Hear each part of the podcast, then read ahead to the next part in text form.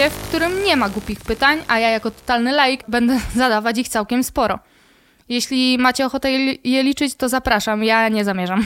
Jest z nami również Michał Cześć. i to z nim będziemy wymieniać się swoimi spostrzeżeniami na różne techniczne tematy. I nie tylko. Mm, Jednym z głównych e, i gorących teraz tematów jest Reddit i zastanawiam się w zasadzie, czym właściwie jest Reddit, bo myślałam, że jest czymś podobnym do Facebooka, ale wychodzi na to, że bardzo się myliłam. Reddit jest e, następcą forów. To oznacza, że ludzie wybierają sobie społeczności, do których chcieliby dołączyć i w ramach tych społeczności wymieniają się spostrzeżeniami, multimediami, przestrzegając ogólnych zasad kanału. Ale o tym, że Reddit istnieje, jakby już wiemy. Głośno jest teraz za sprawą tego, że Reddit każe sobie płacić za dostęp do swojego API.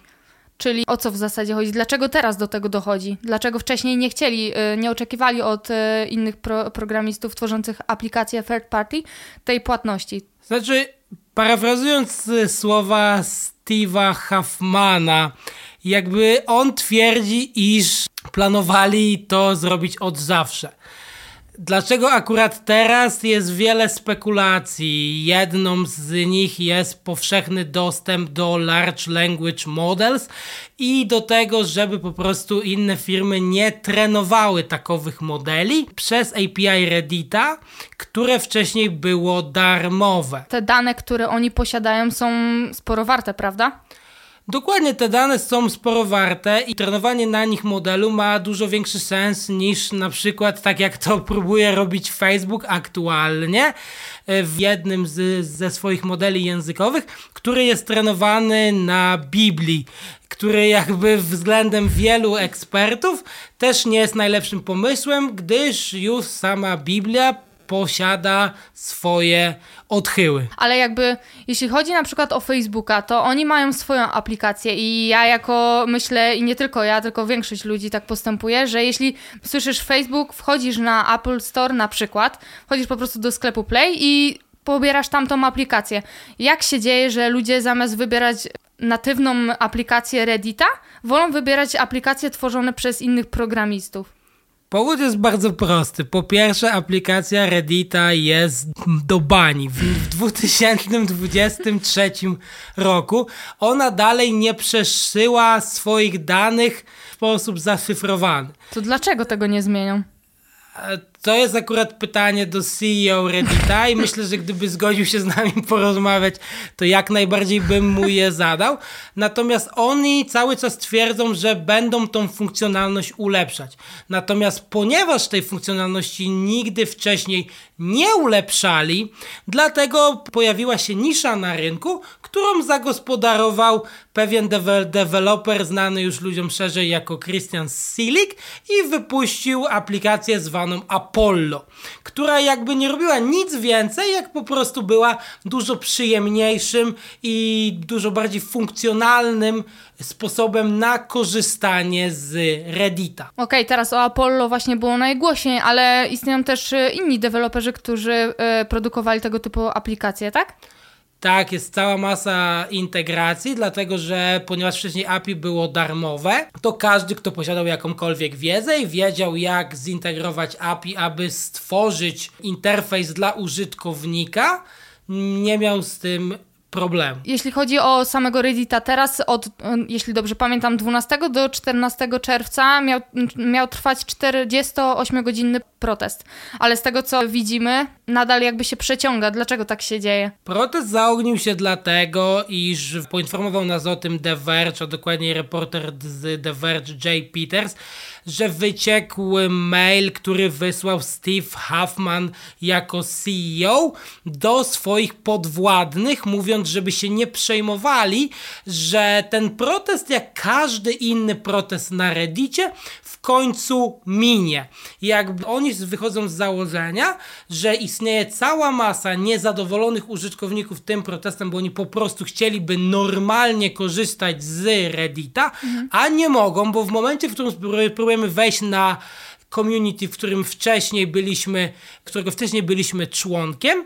Aktualnie wyświetla nam się banner w stylu, w zależności od tego, jak tam moderator napisał, że właśnie to community przechodzi protest, i z tych czy takich względów nie mogą nas dopuścić do kontentu. CEO e, Reddita tak twierdzi i mówi, że to, to minie, ale przecież to chyba było spor, spory cios dla nich, tak? No przecież e, jakby niedziałające subreddity to jest problem.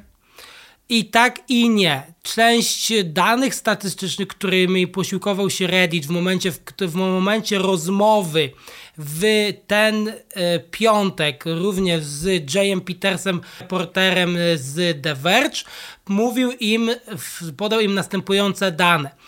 80% subredditów działa tak, jak działać powinno i codziennie na Reddita loguje się ponad 100 milionów użytkowników.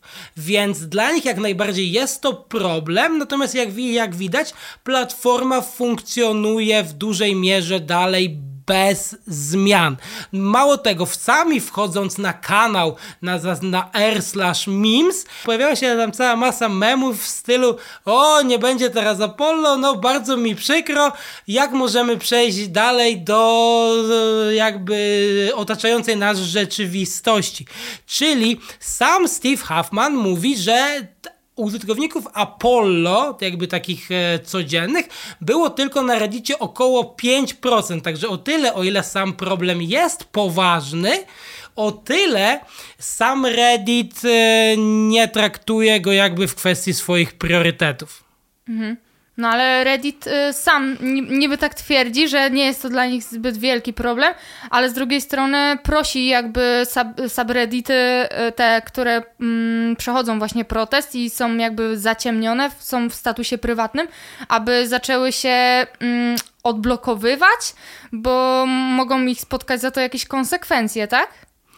Znaczy, no to było nie do końca tak. Oni po prostu wysłali informacje do community, które faktycznie przychodziło przez e, takowy strajk, że jeżeli wśród moderna, moderatorów e, gorzeje dyskusja, aby, tak, aby danego subreddita otworzyć, to oni jak najbardziej są w stanie w tym pomóc, nawet jeśli pewien moderator boi się odwetu ze strony, ze strony swoich kolegów. To oni wtedy zrobią wszystko, co w ich mocy i tam pozmieniają, żeby dany moderator miał większe uprawnienia i żeby to on mógł odblokować community, bo jak, bo jak wszyscy dobrze wiemy i Reddit też również tak twierdzi, najważniejsze jest to, żeby zwykli ludzie mogli dalej korzystać z tego Reddita w taki sposób, w jaki korzystają z niego na co dzień. I bagatela e, sam tutaj team e, z Reddita również twierdzi, że nikt, e, żaden z dziennikarzy, żaden z podcastów nie coveruje jakby tej strony, że istnieje cała masa Bogu ducha winnych użytkowników, których nie obchodzą takie aplikacje jak Apollo, nie obchodzi ich to, że ceny za dostęp do API zostały wyssane z palca, obchodzi ich konkretnie tylko to, żeby dalej mieli dostęp do kontentu, który konsumują na co dzień. Te subreddity są jakby odpowiednikami grup na Facebooku i każdy z tych subredditów ma swojego moderatora? W zależności od tego, jak zostanie stworzony dany subreddit, tak, każdy Reddit posiada swojego moderatora. Może ich posiadać wielu, każdy z nich może posiadać różne rangi. I w zależności od tego, jak sobie dane community wybierze, no ale pamiętajmy jednak, że dalej jesteśmy na podwórku Reddita, więc największe upra uprawnienia, co nie jest tutaj niczym dziwnym, posiada sam Reddit. No okej, okay, więc co dalej? No to skoro jeśli mm, protest nadal trwa, Reddit nie chce ustąpić, to jedynym rozwiązaniem chyba po prostu jest to, że aplikacje third party zaczną po prostu umierać jakby w sposób y, naturalny, bo nie są w stanie y, podołać wymaganiom stawianych przez Reddita. Tak, jakby w piątkowej rozmowie z Jayem Petersem e, Steve Huffman zaznaczył bardzo mocno, że koniec końców dla niego API nigdy nie powinno pełnić funkcji takich, jakich pełniło Apollo. Jakby dla niego powinny to być głównie boty, funkcjonalności, które ułatwiają korzystanie osobom niepełnosprawnym, ale nie całe aplikacje, które, że tak powiem, żyją i zarabiają z kontentu, jakim, e, który jest dostępny na Reddicie. Co więcej, Steve wielokrotnie powtarzał, że aplikacje takie jak Apollo kosztują ich dużo więcej pieniędzy niż e, generują im zysków. No ale jakby do tej pory na to pozwalali, więc jak, co się teraz takiego stało? Kolejną z możliwych przyczyn jest fakt wejścia Reddita na giełdę. I tutaj pojawiają nam się reklamodawcy. A jak wiadomo, bo oczywiście w zeszłym tygodniu miało miejsce Ask Me Anything, e, zorganizowane przez Steve'a, który na Reddicie jest pod pseudonimem Spes, żeby uzasadnić, e, gdzie Steve miał odpowiadać na pytania przez użytkowników. Wypowiedziało się tam po prawie 20 tysięcy ludzi. Z tego co tam pamiętam, odpowie odpowiedzieli on plus moderatorzy odpowiedzieli łącznie na coś koło 16 pytań, gdzie użytkownik zapytał, e, czy Reddit będzie teraz y, martwił się tylko z zyskami i czy będzie się starał zarabiać jak najwięcej pieniędzy. Mhm. Na, co, na co Spes odpowiedział jednoznacznie, że Reddit pozostanie firmą przynoszącą zyski jeśli, jeśli to będzie miało miejsce, w przeciwieństwie do aplikacji third party, które już teraz zarabiają na tym pieniądze. Oczywiście ta odpowiedź e, nie spodobała się użytkownikom e, Reddita, jak również ta, w której pytali go, czy jest w stanie dalej współpracować, prowadzić rozmowy z Apollo i z Christianem Seligiem, na co e, Steve odpowiedział jednoznacznie, że on jest gotowy współpracować dalej z ludźmi, którzy chcą z nim współpracować. Można jakby z tego jednoznacznie rozumieć, że rozmowy pomiędzy CEO Reddita a deweloperem Apollo zostały zakończone.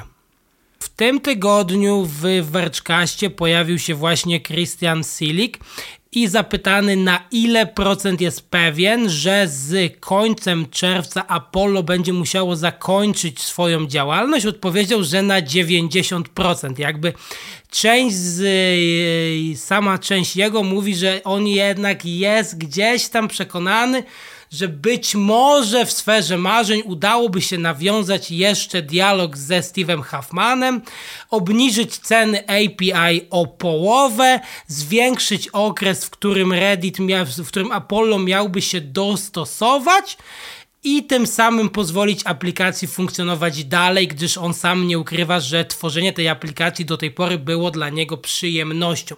A ile za taką aplikację miał płacić? Podawały jedne z artykułów, że miało to być około 2 milionów na miesiąc al, albo 20 milionów dolarów rocznie. Skąd taka cena? Ano stąd, że Reddit żąda sobie za 50 milionów e, requestów przez API, dokładnie 12 tysięcy dolarów. I teraz dla kontekstu, Apollo takich requestów miesięcznie wykonuje 7 miliardów. No to teraz wiemy już skąd cena, bo jeżeli podzielimy 7 miliardów przez 50 milionów, no to wychodzi właśnie mniej więcej około 2 miliony dolarów miesięcznie. Okej. Okay. Myślę, że to całkiem sporo. A co myślisz o całej tej sytuacji związanej z pomiędzy Christianem Seligiem a Steve'em Huffmanem? iż e, Steve Huffman powiedział rzekomo, że Christian próbuje go szantażować, aby ten kupił jego ap aplikację. To znaczy, jeśli pytasz, co ja o tym sądzę, gdybym nie wiedziała, nie znała pewnych e, jakby e, faktów, to powiedziałabym, że no bardzo nieładnie ze strony pana Seliga, że e, chce, że szantażuje tutaj Reddita, no ale czytając wpis właśnie Christiana Seliga na Reddicie i przez, i odsłuchując jakby nagranie, które, które, którego jest autorem, no bo e, chodzi o to, że Christian Selig e, tak naprawdę podczas wszystkich rozmów z CEO Reddita i w ogóle z Redditem nagrywał e, te właśnie rozmowy i jest to dozwolone w jego kraju, bo pochodzi z Kanady i jeśli jedna strona zgadza się na nagrywanie takich rozmów, no to wszystko jest w porządku.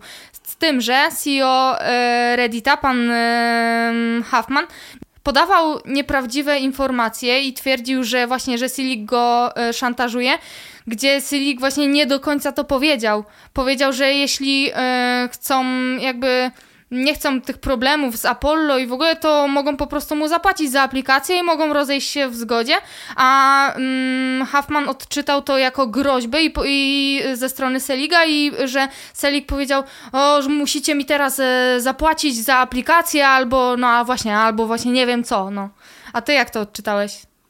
Znaczy, no, cała sytuacja zakończyła się nawet tak, co widać w zarówno w transkrypcie, który został udostępniony na GitHubie oraz w całości nagrania, że to po prostu doszło do słownego nieporozumienia, w którym zresztą sam Steve Huffman powiedział: OK, nie zrozumiałem, jakie były Twoje intencje, no i, że, że tak powiem, rozmowa kontynuowała się dalej. Tak. Ponadto Silik w swoim poście na Reddicie opisywał, że jest mu bardzo przykro z tego powodu, iż jego aplikacja nie będzie mogła zaistnieć y, jakby dla um, użytkowników, dalej dla użytkowników, ponieważ na przykład dla, na ostatniej e, konferencji Apple e, gdzie zostały, gdzie były przedstawiane e, gogle Apple Vision Pro, jego aplikacja tam e, również jakby się znalazła i była e, no była przedstawiana po prostu, tak? W sensie, czyli nie mogła być aż tak złą aplikacją i e, była potrzebna, skoro nawet na, na tej konferencji była przedstawiana. A a propos tego całego zamieszania, Steve Huffman twierdził, że aplikacja Apollo jest niewydajna, dlatego też nie, nie mają jakby, nie chcą dalej o nią walczyć. Znaczy, celem sprostowania to nie było tak, że sam Steve twierdził, że aplikacja jest niewydajna. Natomiast samemu Christianowi faktycznie wielokrotnie zarzucano, że aplikacja Apollo mhm. wysyła zbyt dużo requestów na minutę. Na, co było dziwne po pierwsze dlatego, iż e, aplikacja Apollo mieściła się w wymaganiach ustalonych przez Reddita, to jest 60 zapytań per użytkownik na minutę lub 86 400 requestów per doba. Natomiast Christian jakby zachował się tutaj bardzo profesjonalnie, zapytał się yy, moderatorów oraz deweloperów Reddita, jak może usprawnić swoją aplikację, na co odpowiedzi niestety od nich nie otrzymał. Ponadto sam Reddit nie jest odosobnioną platformą, która e, zwiększyła cenę za dostęp do swojego API, gdyż już dużo wcześniej taką samą zmianę ogłosił sam Elon Musk, z tym, że tutaj cena wynosiła nie 12 tysięcy dolarów miesięcznie, a 42 tysiące dolarów miesięcznie, co spowodowało zamknięcie się wielu popularnych rozszerzeń Twitterowych. Czyli w zasadzie te mm, wielkie firmy jak właśnie Reddit czy Twitter chcą mm, powoli uśmiercać e, tych e, małych przedsiębiorców i mm, przez zakazywanie im dostępu do swojego API? Nie tyle co uśmiercać, co po prostu aktualnie nie widzą w tym większego zysku. Zresztą mówiliśmy już o tym nawet dzisiaj, że e, z samego Apollo korzystało tylko 5% aktywnych użytkowników Reddita. W przypadku Ilona Maska jakby cel jest zupełnie inny, kiedy zapłacisz 44 miliardy dolarów za aplikację, to chcę, żeby ta aplikacja jak najszybciej zaczęła przynosić zyski. No to deweloperzy dzisiaj muszą się poważnie zastanowić, na jaką, na jaką platformę chcą pisać rozszerzenia i dlatego aktualnie bardzo modny właśnie stał się Mastodon czy sam ActivityPub jako protokół, który jakby no nie byłoby to możliwe, co zrobił aktualnie e, Reddit czy wcześniej Twitter, gdyby mm, obydwie e, te aplikacje były częścią e, zdecentralizowanego protokołu opartego o ActivityPub. Wspomniałeś o ActivityPub. Temat teraz jest na tyle popularny, że nawet sam Instagram się nim zainteresował i tworzy coś w, projekt o nazwie 92. I czym w zasadzie jest ten projekt? Projekt o kryptonimie Project 92 ma być zdecentralizowaną wersją Twittera opartą o ActivityPub, ponieważ Instagram widzi, iż istnieje duże zapotrzebowanie na rynku na usługi, które świadczy Twitter, natomiast ciężko jest aktualnie przewidzieć w jakim kierunku pójdzie Twitter pod rządami Ilona Maska i Lindy Jacarino. E, dlatego Instagram stara się stworzyć coś swojego. Czy myślisz, że taki zdecentralizowany internet w ogóle ma szansę bytu? To znaczy, ja wiem, każdy by chciał, bo to by było i wygodne w użytkowaniu, i, i przyjemne, i w ogóle, no ale jakby od wielu lat się e, starają, aby do tego e, dojść, dążą do tego, ale póki co nic wielkiego na razie się nie wydarzyło w tej kwestii. To znaczy, w mojej opinii, sam Instagram ma tutaj duże szanse na odniesienie sukcesu, jeśli produkt będzie dobry. O tyle, o ile wielu ludzi faktycznie e, jest propagatorami E, zdecentralizowanej sieci komputerowej. Ja jestem dokładnie jednym z nich. O tyle same dane pokazują, iż ludzie nie do końca chcą mieć w tej kwestii wybór. Nawet sam Mastodon, który wcześniej przy zakładaniu konta można było, nawet trzeba było wybrać instancję, do której e, chcieliśmy się zarejestrować, było to na tyle dużym problemem dla nowych użytkowników, iż Mastodon musiał to zmienić i aktualnie rejestracja przebiega defaultowo na serwer mastodon.social, co ułatwiło ludziom zakładanie konta na Mastodonie i wielu użytkowników jest właśnie z takiego obrotu spraw zadowolonych. Ponadto mamy w tej branży kolejnego konkurenta, jakim jest Blue Sky, który również stara się stworzyć zdecentralizowaną sieć, z tym, że oni opartą o protokół AT. E, natomiast aktualnie dalej mamy tylko instancję monolityczną, po, w dodatku Blue Sky ciągle pozostaje w zamkniętej becie i aby uzyskać do niego dostęp należy dostać specjalny invite code, in, invite code który może wygenerować albo e, użytkownik, który już jest zarejestrowany, albo możemy się sami zarejestrować i czekać cierpliwie, aż taki kod zostanie nam przez e, moderatorów e, Blue Sky przesłany. Brzmi to trochę jak jakiś prestiżowy e, rodzaj social mediów, do którego nie każdy może mieć dostęp. Dokładnie tak jest, znaczy tam była swojego rodzaju ciekawa bardzo sprawa, że część aktorów oraz ludzi nawet prosiła o kod do Blue Sky, bo wiadomo, wszystko co jest zamknięte jest dla ludzi relatywnie bardzo atrakcyjne, dlatego było kilka właśnie takich zabawnych przykładów, gdzie ludzie po prostu prosili innych ludzi na innych social mediach, czy nie mogą im wysłać zaproszenia na platformę Blue Sky to czy dla takiego szarego użytkownika jest w ogóle możliwe, żeby się tam dostać? Tak, tak jak powiedziałem, normalnie można się zarejestrować, podać swój mail i jeżeli przyjdzie nasza kolej, to taki e, invite code od e, Blue Sky na pewno otrzymamy. Czyli pozostaje nam cierpliwie czekać. Okej. Okay. W sumie nie dziwię się, że Mastodon podjął taką decyzję o tym, aby e, wybierać jakby za nowych użytkowników to miejsce serwer, tak? Dobrze mówię? W którym e, e, logujemy się jakby po raz pierwszy do, tą instancję, ponieważ ja na przykład nie miałabym zielonego pojęcia, co wybrać, co, co tak naprawdę ma znaczenie, w którą stronę pójść.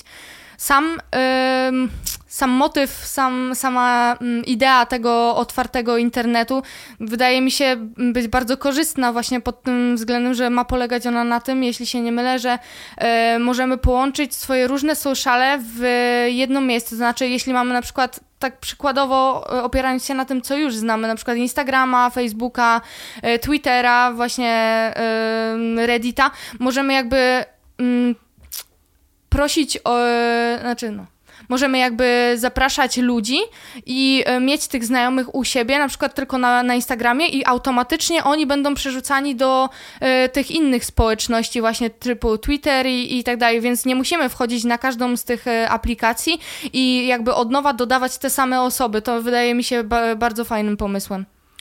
Znaczy to nie do końca tak działa, jakby sam Mastodon oraz e, jest częścią czegoś większego, co się nazywa konkretnie Fediverse.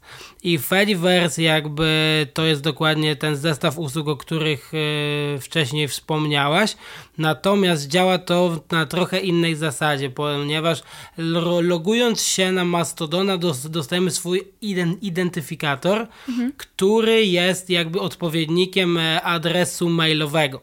I wszyscy inni ludzie, którzy chcą jakby nas zaobserwować z innego serwera, jedyne co potrzebują do tego, aby się z nami skomunikować, jest to dokładnie ten pełny adres. I teraz tak, oczywiście będziemy dalej musieli posiadać wiele kont, przynajmniej na razie. Na razie jeszcze nie wymyślono, jak do końca te wszystkie usługi należałoby połączyć. Natomiast faktycznie istniałaby możliwość, że e, niekoniecznie w przypadku YouTube'a, ale odpowiednika YouTube'a, który już na Fediverse istnieje, E, można by było wtedy na przykład polubić post, e, polubić wideo konkretnie na, Masto, na Mastodonie, a na tej platformie również e, pojawiłby się like. A czym jest ten odpowiednik YouTube'a na, na tym Fediverse? Taką alternatywą jest PeerTube, założony w 2015 roku, oparty oczywiście na protokole e, open source i, i posiadający możliwość bycia hostowanym przez nas samych na jakimkolwiek serwerze chcemy. Jego, jego funkcjonalności są jednak dużo bardziej podstawowe niż YouTube, ograniczają się raczej do e, przesyłania, e, komentowania i, i oglądania wideo. Okej. Okay. Czy można w takim razie powiedzieć, że ten Fediverse jest jakby takim młodszym bratem internetu? No, na, no, tak to rozumiem, ale nie wiem, czy się mylę.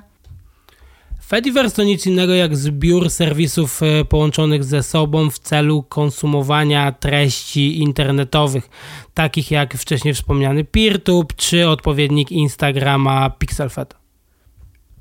Czyli na, dzięki Fediverse znajdziemy y, wszystkie te odpowiedniki, jak właśnie Instagram i, i tym podobne, mm, ale w zasadzie to pomimo tej otwartości nie dziwię się, dlaczego ludzie na to nie przychodzą. Jakby dla mnie nie brzmi to, jakby było tam coś innowacyjnego. A ty co o tym sądzisz?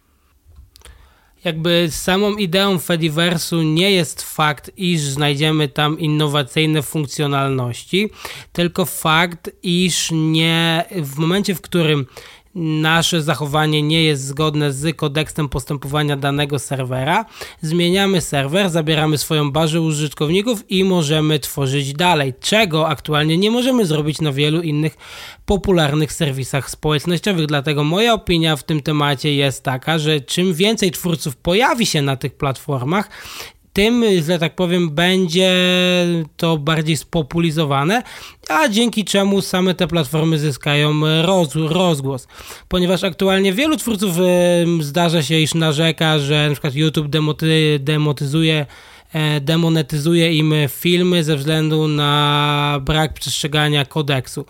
Byłoby w idealnym świecie wyglądałoby to zupełnie inaczej. Po prostu w momencie, w którym e, jeden z, jedna z instancji PeerTube'a zezwala na tego typu treści, a inna instancja nie zezwala na tego typu treści, a my sami jako konsumenci tych treści decydujemy się, czy takowe treści chcemy oglądać, czy takowych treści nie chcemy oglądać. Dlatego dla mnie sam pomysł jest jak najbardziej na plus, z tym, że mówię, ciekaw jestem, czy ludzie będą w stanie się na dłuższą metę do tego e, typ, do tego schematu przyzwyczaić. Mm, rozumiem. Teraz po Twoim wytłumaczeniu. Y Rozumiem, dlaczego jest to tak ważne i, i dlaczego to ma taki sens. Tylko właśnie chodzi o to, że nie jest to tak dobrze, roz... nie wiem, czy w ogóle jest to rozpromowane, nie wiem, czy w ogóle ludzie nie, nieistniejący w technologii, właśnie tak jak ja, w ogóle wiedzą, że istnieje coś takiego i jak można się do tego dostać. To mi się wydaje, że nie wiem, czy można to tak nazwać, ale właśnie ta reklama, rozpromowanie tego produktu jest na razie bardzo słabe. Znaczy, nie wiem jak to jest aktualnie w Polsce, natomiast wiele zagranicznych mediów jakby ten temat porusza i to porusza ten temat dogłębnie. Sam na przykład The Verge twierdzi, że Activity Pub będzie następną dużą zmianą w internecie, zaraz po social mediach. Także ten temat jest na topie, ten temat jest nagłaśniany, z tym, że rozwój, jak to przy każdym projekcie open source, w przypadku samego Mastodona jest powolny, ale przez to mm, jest otwarty i każdy, kto ma chęć, może się przyczynić do jego rozwoju. No w sumie masz rację, bo większość tych technologicznych nowości jakby odbywa się w Stanach i zanim to dojdzie do Polski, zanim w ogóle zaczniemy o tym rozmawiać, tak mi się wydaje, przynajmniej to minie jeszcze trochę czasu. Mm, jeśli chodzi na przykład o, o tą brak innowacyjności, y, o którym wcześniej mówiłam, chodziło mi o to, że y, ludzie, przynajmniej ja tak mam, że jeśli jest na przykład taki Instagram, to jestem na nim, jakby mam tam profil, to po co mam się przenosić y, na, y, na coś, co w zasadzie ma tą samą funkcjonalność? Wiesz o co chodzi? Jak najbardziej rozumiem, ale nie jest to do końca prawdą, że nowości związane z zdecentralizowaną siecią są realizowane tylko w Ameryce, ponieważ twórcą Mastodona jest Eugene Roczko, deweloper z Niemiec. Ponadto sam temat jest również popularyzowany przez youtubera z Francji o nazwie The Linux Experiment. Okej. Okay. Ty, mm, z tego co pamiętam, sam e, jakby poprosiłeś e, o to, aby dodano cię do Blue Sky, prawda? Tak. I jak? I długo już czekasz? Znaczy, no ja sam odpowiedzi aktualnie jeszcze nie dostałem, natomiast nie zniechęcam się i cały czas czekam na zaproszenie. Ale myślisz, że z czego to może wynikać? Nie ma jakby ludzi, którzy zatwierdzają to, te profile? Właśnie nikt tam nie siedzi po tej drugiej stronie? Czy mają jakby za małe serwery, żeby przyjmować wszystkich? Dlaczego tak się dzieje? Myślę, że wszystko pod trochu. Aktualnie Blue Sky brakuje pracowników, którzy mogliby zarówno przyjmować nowych e, członków na platformę, jak i rozwijać codebase oraz dodawać nowe funkcjonalności na platformę Blue Sky, ale to i tak nie zniechęca użytkowników do korzystania z tej platformy pomimo wielu błędów i pomimo wielu śmiesznych sytuacji, które mają miejsce na tej platformie śmiesznych sytuacji, na przykład jak możesz coś przytoczyć, czy... No jednym z bardziej popularnych wątków ostatnio był tak zwany hell thread, że w momencie, w którym e, jakby pojawił się błąd e, po stronie serwera Blue Sky, że wątek nie mógł być dłuższy niż ileś tam postów. Mhm. Ponadto, gdy zostałeś do takowego wątku dodany, nie miałeś e, możliwości wyłączenia powiadomień na temat nowych treści, które do takowego wątku wpadały, przez co wielu ludzi e, było tym faktem bardzo zdenerwowanych, a niektórzy jakby oczywiście byli tym faktem zachwyceni. Właśnie teraz z tej perspektywy, kiedy nie masz jeszcze konta na Blue Sky i, i może wydawać ci się to zabawne, ale myślisz, że nie denerwowałyby cię te ciągle, ciągłe powiadomienia, gdyby ktoś cię do, takogo, do takowego wątku dodał? Wydaje mi się, że nie, gdyż jakby cała masa rozwiązań, które kiedyś też zaczynały, miała właśnie problemy wieku dziecię, dziecięcego i to jest jakby normalne, że aplikacje posiadają tego typu problemy. Czyli wychodzi na to, że jeśli chcesz być e, użytkownikiem takiego Blue Sky, musisz być bardzo cierpliwy, przynajmniej na początku, skoro właśnie jest to nowa aplikacja. Znaczy na pewno jak każda aplikacja na początku posiada swoje problemy, natomiast jakby z tym oferuje nam całą masę wolności, pokazuje nam tak jak naprawdę wyglądałyby social media bez możliwości, bez in, in, ingerencji osób trzecich, jak to ma miejsce dokładnie w przypadku Facebooka czy Instagrama. Ale myślisz, że w końcu by się to nie zmieniło? W sensie oni muszą z czegoś zarabiać, a skoro to jest taki zdecentralizowany internet, to chyba e, jakby e, nie, będzie, nie będzie tam reklam, tak? Ale i chodzi mi o to, czy to w końcu nie stanie się czymś takim, co już jakby istnieje, takim z właśnie Instagramem zwykłym czy Twitterem? Właśnie na razie jest to najciekawsze, ponieważ nikt na razie nie wymyślił, jak można byłoby moderować treści w przypadku zdecentralizowanej platformy. Tak samo nikt jeszcze nie wymyślił, jak można by było na takowej platformie zarabiać.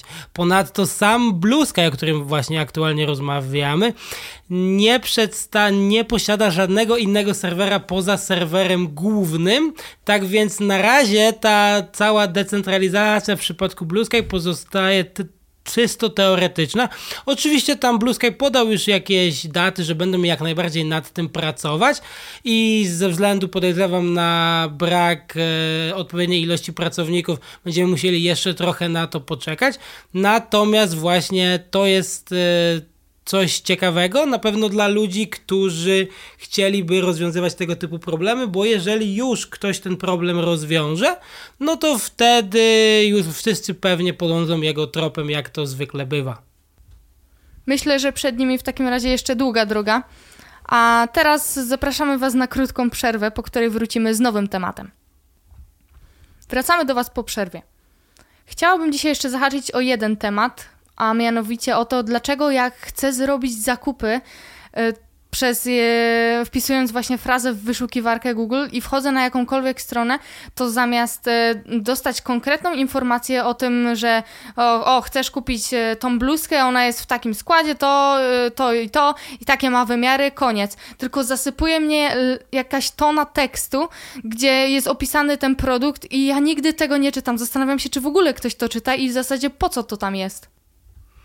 Jak nie mam chodzić i pewnie o artykuły podnoszące SEO strony, czyli tak zwany Search Engine Optimization, który y, sama wyszukiwarka Google skanuje Twoją stronę w poszukiwaniu słów kluczowych, żeby jak najlepiej dopasować e, content do potencjalnego kupującego aktu w Twoim przypadku.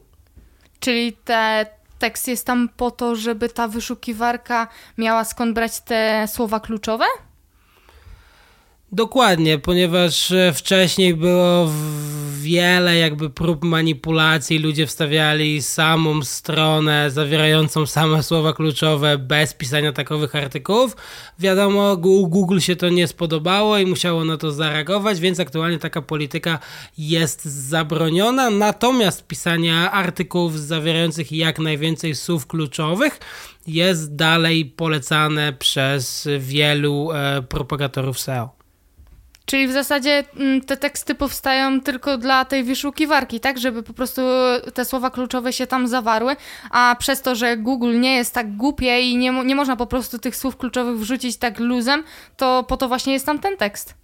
Znaczy, no nie no, jeżeli masz ochotę, to zawsze ta, takowy artykuł przeczytać możesz, no to jakby nic w tym nie przeszkadza. No tak, tylko nie, nie wiem, kto ma na to czas, tak gdy szukam jakiegoś produktu, to skupiam się właśnie na tych najważniejszych rzeczach, które mnie interesują, a nie na tym, że o, będziesz w tym wyglądać jak, no w zasadzie nawet nie wiem jak, bo mówię, jak, tak jak mówię, nie czytam tych tekstów. Więc w sumie współczuję firmom, a zwłaszcza tym małym firmom, które same muszą zajmować się tym, aby przygotować ten tekst i e, opisywać te produkty, bo na pewno istnieją jakieś firmy, które robią, mogą zrobić to za ciebie, ale na pewno jest to bardzo kosztowne i gdy rozkręcasz dopiero swój biznes, po prostu cię jest na to nie stać. Zgadza się, wiele firm początkujących nie stać jest na usługi SEO, gdyż e, tutaj celem przykładu, takie takowe usługi mogą kosztować nawet dziesiątki tysięcy dolarów, a efekt zobaczymy najwcześniej po roku, będąc konsekwentnym i, że tak powiem, cały czas e, analizując swoje wyniki z tą firmą, czyli jest to jak najbardziej długotrwała współpraca z takową firmą. Myślę, że ludzi, których nie stać na usługi właśnie firm of, oferujących jakby te no, SEO, nie wiem jak to, no, te opisy SEO, pewnie wielu z nich korzysta z usług na przykład czatu GPT i teraz e, nasuwa się pytanie, czy nie będzie tak, że strona e, na przykład z produktami będzie jakby podzielona i będzie strona dla, dla nas, użytkowników, ludzi i strona dla tych całych algorytmów, jakby dla, no nie wiem, dla robotów czytających te, te słowa kluczowe? Czy właśnie nie, nie da się ani tego rozdzielić, to musi, to musi iść jakby jednym tokiem razem, tak?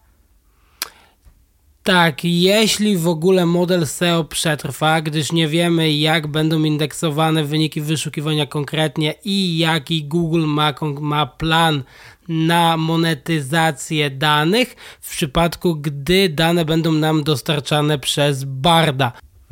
Z artykułu Misato, reporterki The Verge wiemy, iż ludziom potrafi zajmować do 5% czasu cała zabawa z SEO i jak najbardziej wielu popularnych dostawców usług internetowych, takich jak Shopify czy WordPress, stara się ten sposób zautomatyzować, wykorzystując w tym celu Large Language Models, przez co e, oczywiście wiadomo, w języku polskim może to działać różnie, natomiast w językach, które są w pełni supportowane, takie jak e, angielski czy hiszpański, jak najbardziej możemy sobie ten czas przeznaczyć na coś innego. Oczywiście, jeżeli będziemy zadowoleni z efektu końcowego, jaki wygenerowały dla nas takowe rozwiązania. Zgadzam się z Tobą, że to 5% czasu to no to wiadomo, czas jest na wagę złota. Z jednej strony mogłoby się wydawać, że to wcale nie jest tak, y, tak dużo, no ale taki przedsiębiorca jakby właśnie liczy każdą minutę.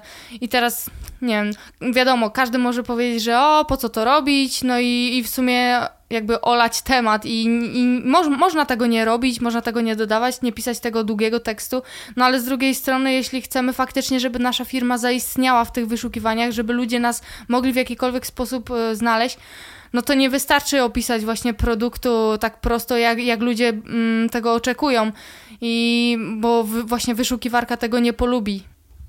A dobre SEO i trzymanie się tych zasad kurczowo nie gwarantuje jakby dobrej sprzedaży. No dlatego właśnie w mojej opinii nie ma znaczenia, czy ten content będzie wygenerowany przez osobę, o ile będzie jasny, klarowny i zrozumiały, czy będzie wygenerowany przez Large Language Model. Czyli ten, e, to całe AI w zasadzie może dużo pomóc e, takim przedsiębiorcom właśnie małym, no bo oszczędzi to ich czas. No jak najbardziej każde narzędzie, które będzie nam pomagało w tworzeniu witryny internetowej, w lepszym e, pozycjonowaniu naszej strony, lub będzie oszczędzało nam czas, warto jest rozważyć. Jedynym problemem, który tutaj widzę, jest fakt, iż faktycznie, na przykład, zwłaszcza w języku polskim, taki tekst wygenerowany przez Large Language Model może być trudny do czytania i może pojawiać się tam sporo błędów. No właśnie, a propos tych błędów, nie mamy jakby pewności, że to, co nam powie AI y, jest prawdą i tak samo, czy mamy w ogóle pewność, że jeśli y, AI wygenerowało dla nas jakiś opis, to że już ktoś inny nie użył tego samego opisu? Czy AI w ogóle, czy AI, jest możliwe, że AI się nie powtarza? Odpowiadając na to pytanie, muszę się powołać na artykuł e, z Ars Technica, gdzie dwóch niemieckich naukowców dokładnie badało, ile możliwości opowiadania dowcipów przez e, chat GPT, konkretnie model 3,5 i odkryli oni zadziwiająco, że ChatGPT powtarza w kółko 25 dowcipów, a jego rozumowanie dotyczące puent jest bardzo ograniczone. Więc w zasadzie wychodzi na to, że teraz to AI może być przydatne i na pewno jest, ale gdy jakby ta pula będzie coraz większa i coraz więcej ludzi będzie z niego korzystać do opisu swoich produktów, to może jak wiele rzeczy stać się znów bezużyteczne.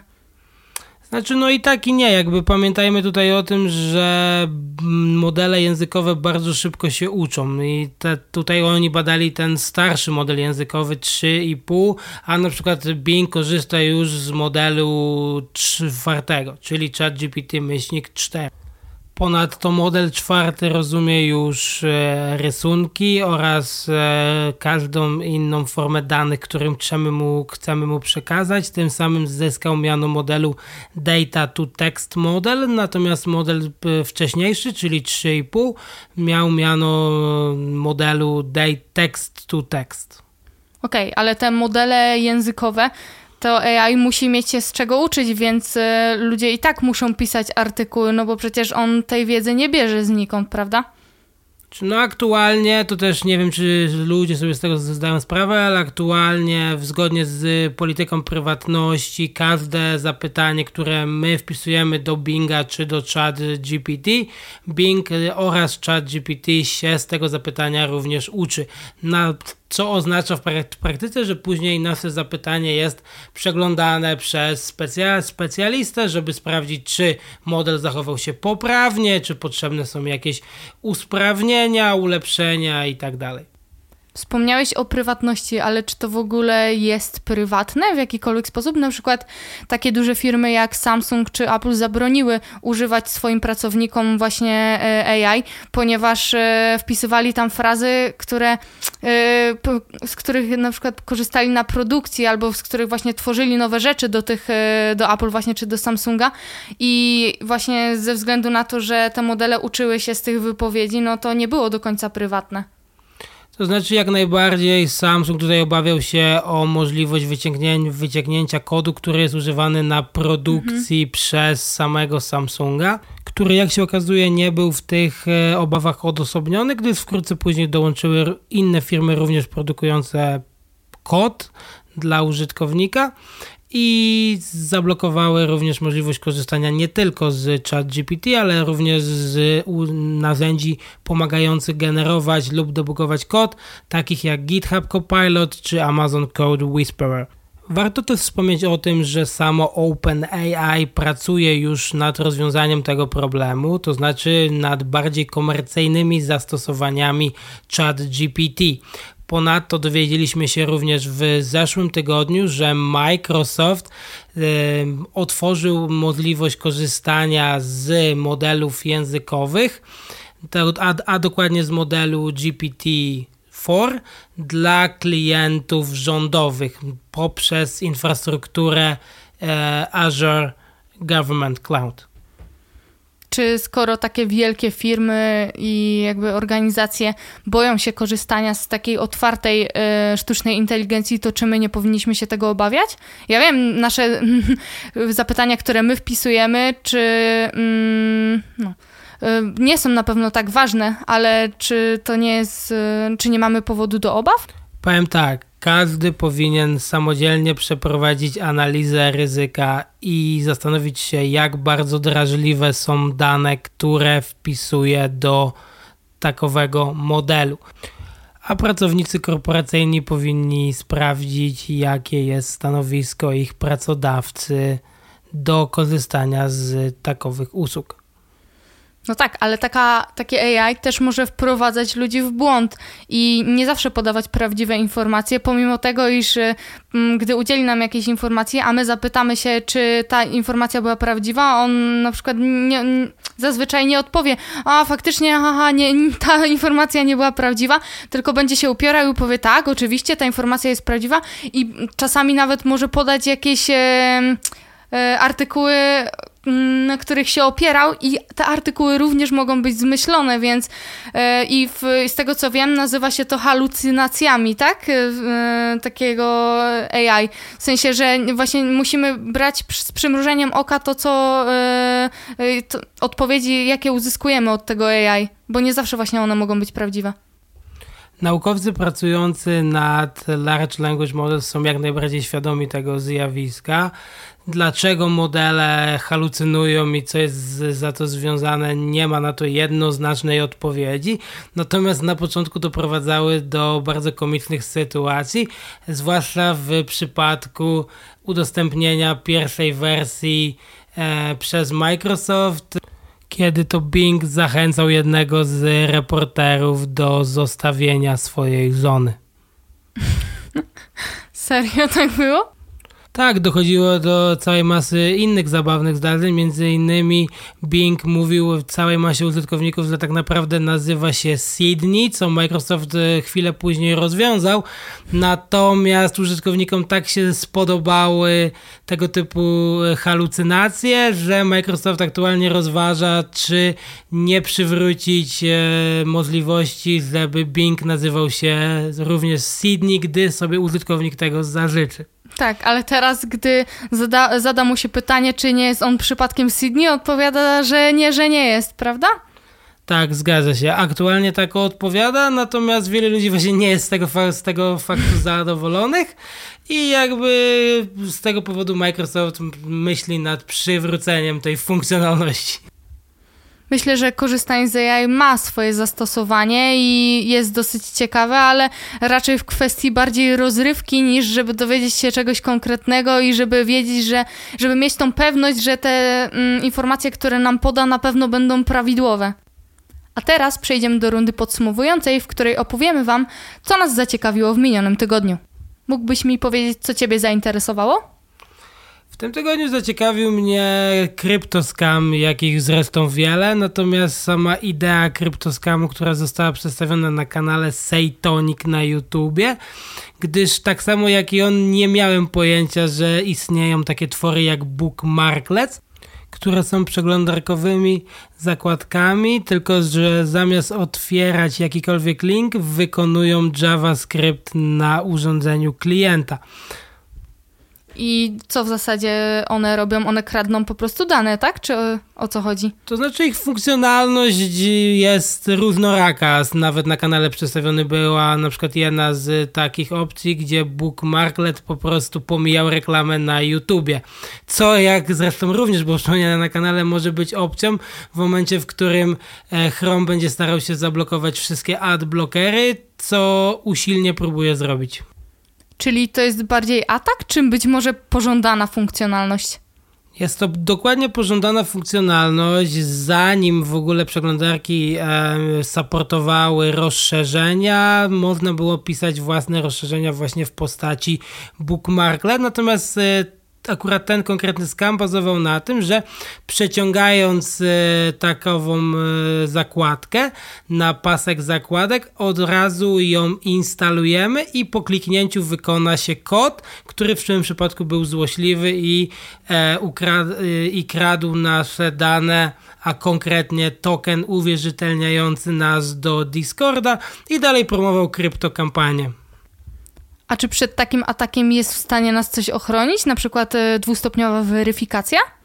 No niestety przed takim atakiem ani dwustopniowa weryfikacja za pomocą kodów, ani nawet za pomocą klucza FIDO nie jest nas w stanie uchronić, gdyż ktokolwiek posiada token uwierzytelniający nas do Discorda, może się za nas podszyć i pisać w naszym imieniu. A ciebie co zainteresowało w minionym tygodniu? Mnie zainteresował ban TikToka w Montanie. Zastanawiam się po prostu, czy e, więcej stanów e, podejmie tą samą inicjatywę, czy to w ogóle wejdzie, no bo e, gubernator właśnie stanu Montana zadecydował o tym, aby zbanować TikToka w tym stanie, ale wielu ludzi zgłasza temu sprzeciw, no i mówią, że to jest niekonstytucyjne, że zabrania im się wolności słowa, no i jakby zakaz ten ma wejść dopiero w styczniu 2024 roku. Myślę, że największe wyzwanie stanie wtedy przed deweloperami zarówno Google Play, jak i Apple Store, żeby dane aplikacje były dostępne wszędzie indziej, w każdym innym stanie, tylko nie w Montanie. No dokładnie. A jeszcze do, do, dodatkowo zauważono wzmożoną jakby wzmożone zainteresowanie e, a propos VPN-u, VPN-a, bo e, jeśli dobrze myślę, to jeśli taki użytkownik Montany zainstaluje sobie tego VPN-a, to może połączyć się z każdym innym krajem, nawet nie, nie tylko ze Stanem i może nadal korzystać z TikToka. Dokładnie tak, a co więcej, aktualnie nie ma bardziej dokładnej metody sprawdzenia skąd y, przychodzi ruch niż nasz adres IP, który właśnie możemy łatwo zmienić za pomocą VPN-a. Ponadto nie wiadomo, co będzie na przykład, gdy ktoś przekroczy granicę stanu Montana, żeby zrobić zakupy, czy już wtedy może taką aplikację zainstalować, czy nie. Także na razie pozostaje to tylko w sferze czysto teoretycznej. Montana banuje TikToka, dlatego że zbiera ona istotne informacje o swoich użytkownikach, uzyskując dostęp do danych wbrew ich woli. I, i jakby e, gubernator twierdzi, że mm, TikTok sprzedaje te dane Republi- no, Chinom po prostu. Y, ale tak naprawdę nie ma na to potwierdzenia, no ale takie są jego założenia. No i wobec tego TikTok pozwał Mon stan Montana y, w tym odwecie, no bo nie zgadza się z y, założeniami, które przedstawia właśnie gubernator stanu Montana. To już wszystko. Już teraz zapraszamy Was na kolejny odcinek, który ukaże się w czwartek. Dziękujemy, że byliście z nami do końca. Jeśli subskrybujesz już ten podcast, to na Twojego maila właśnie wleciał invite code od Blue Sky. A jeśli nie, to obawiam się, że musisz jeszcze trochę poczekać. Możecie się z nami skontaktować pod adresem e-mail feedback technozercy.xyz. Do usłyszenia!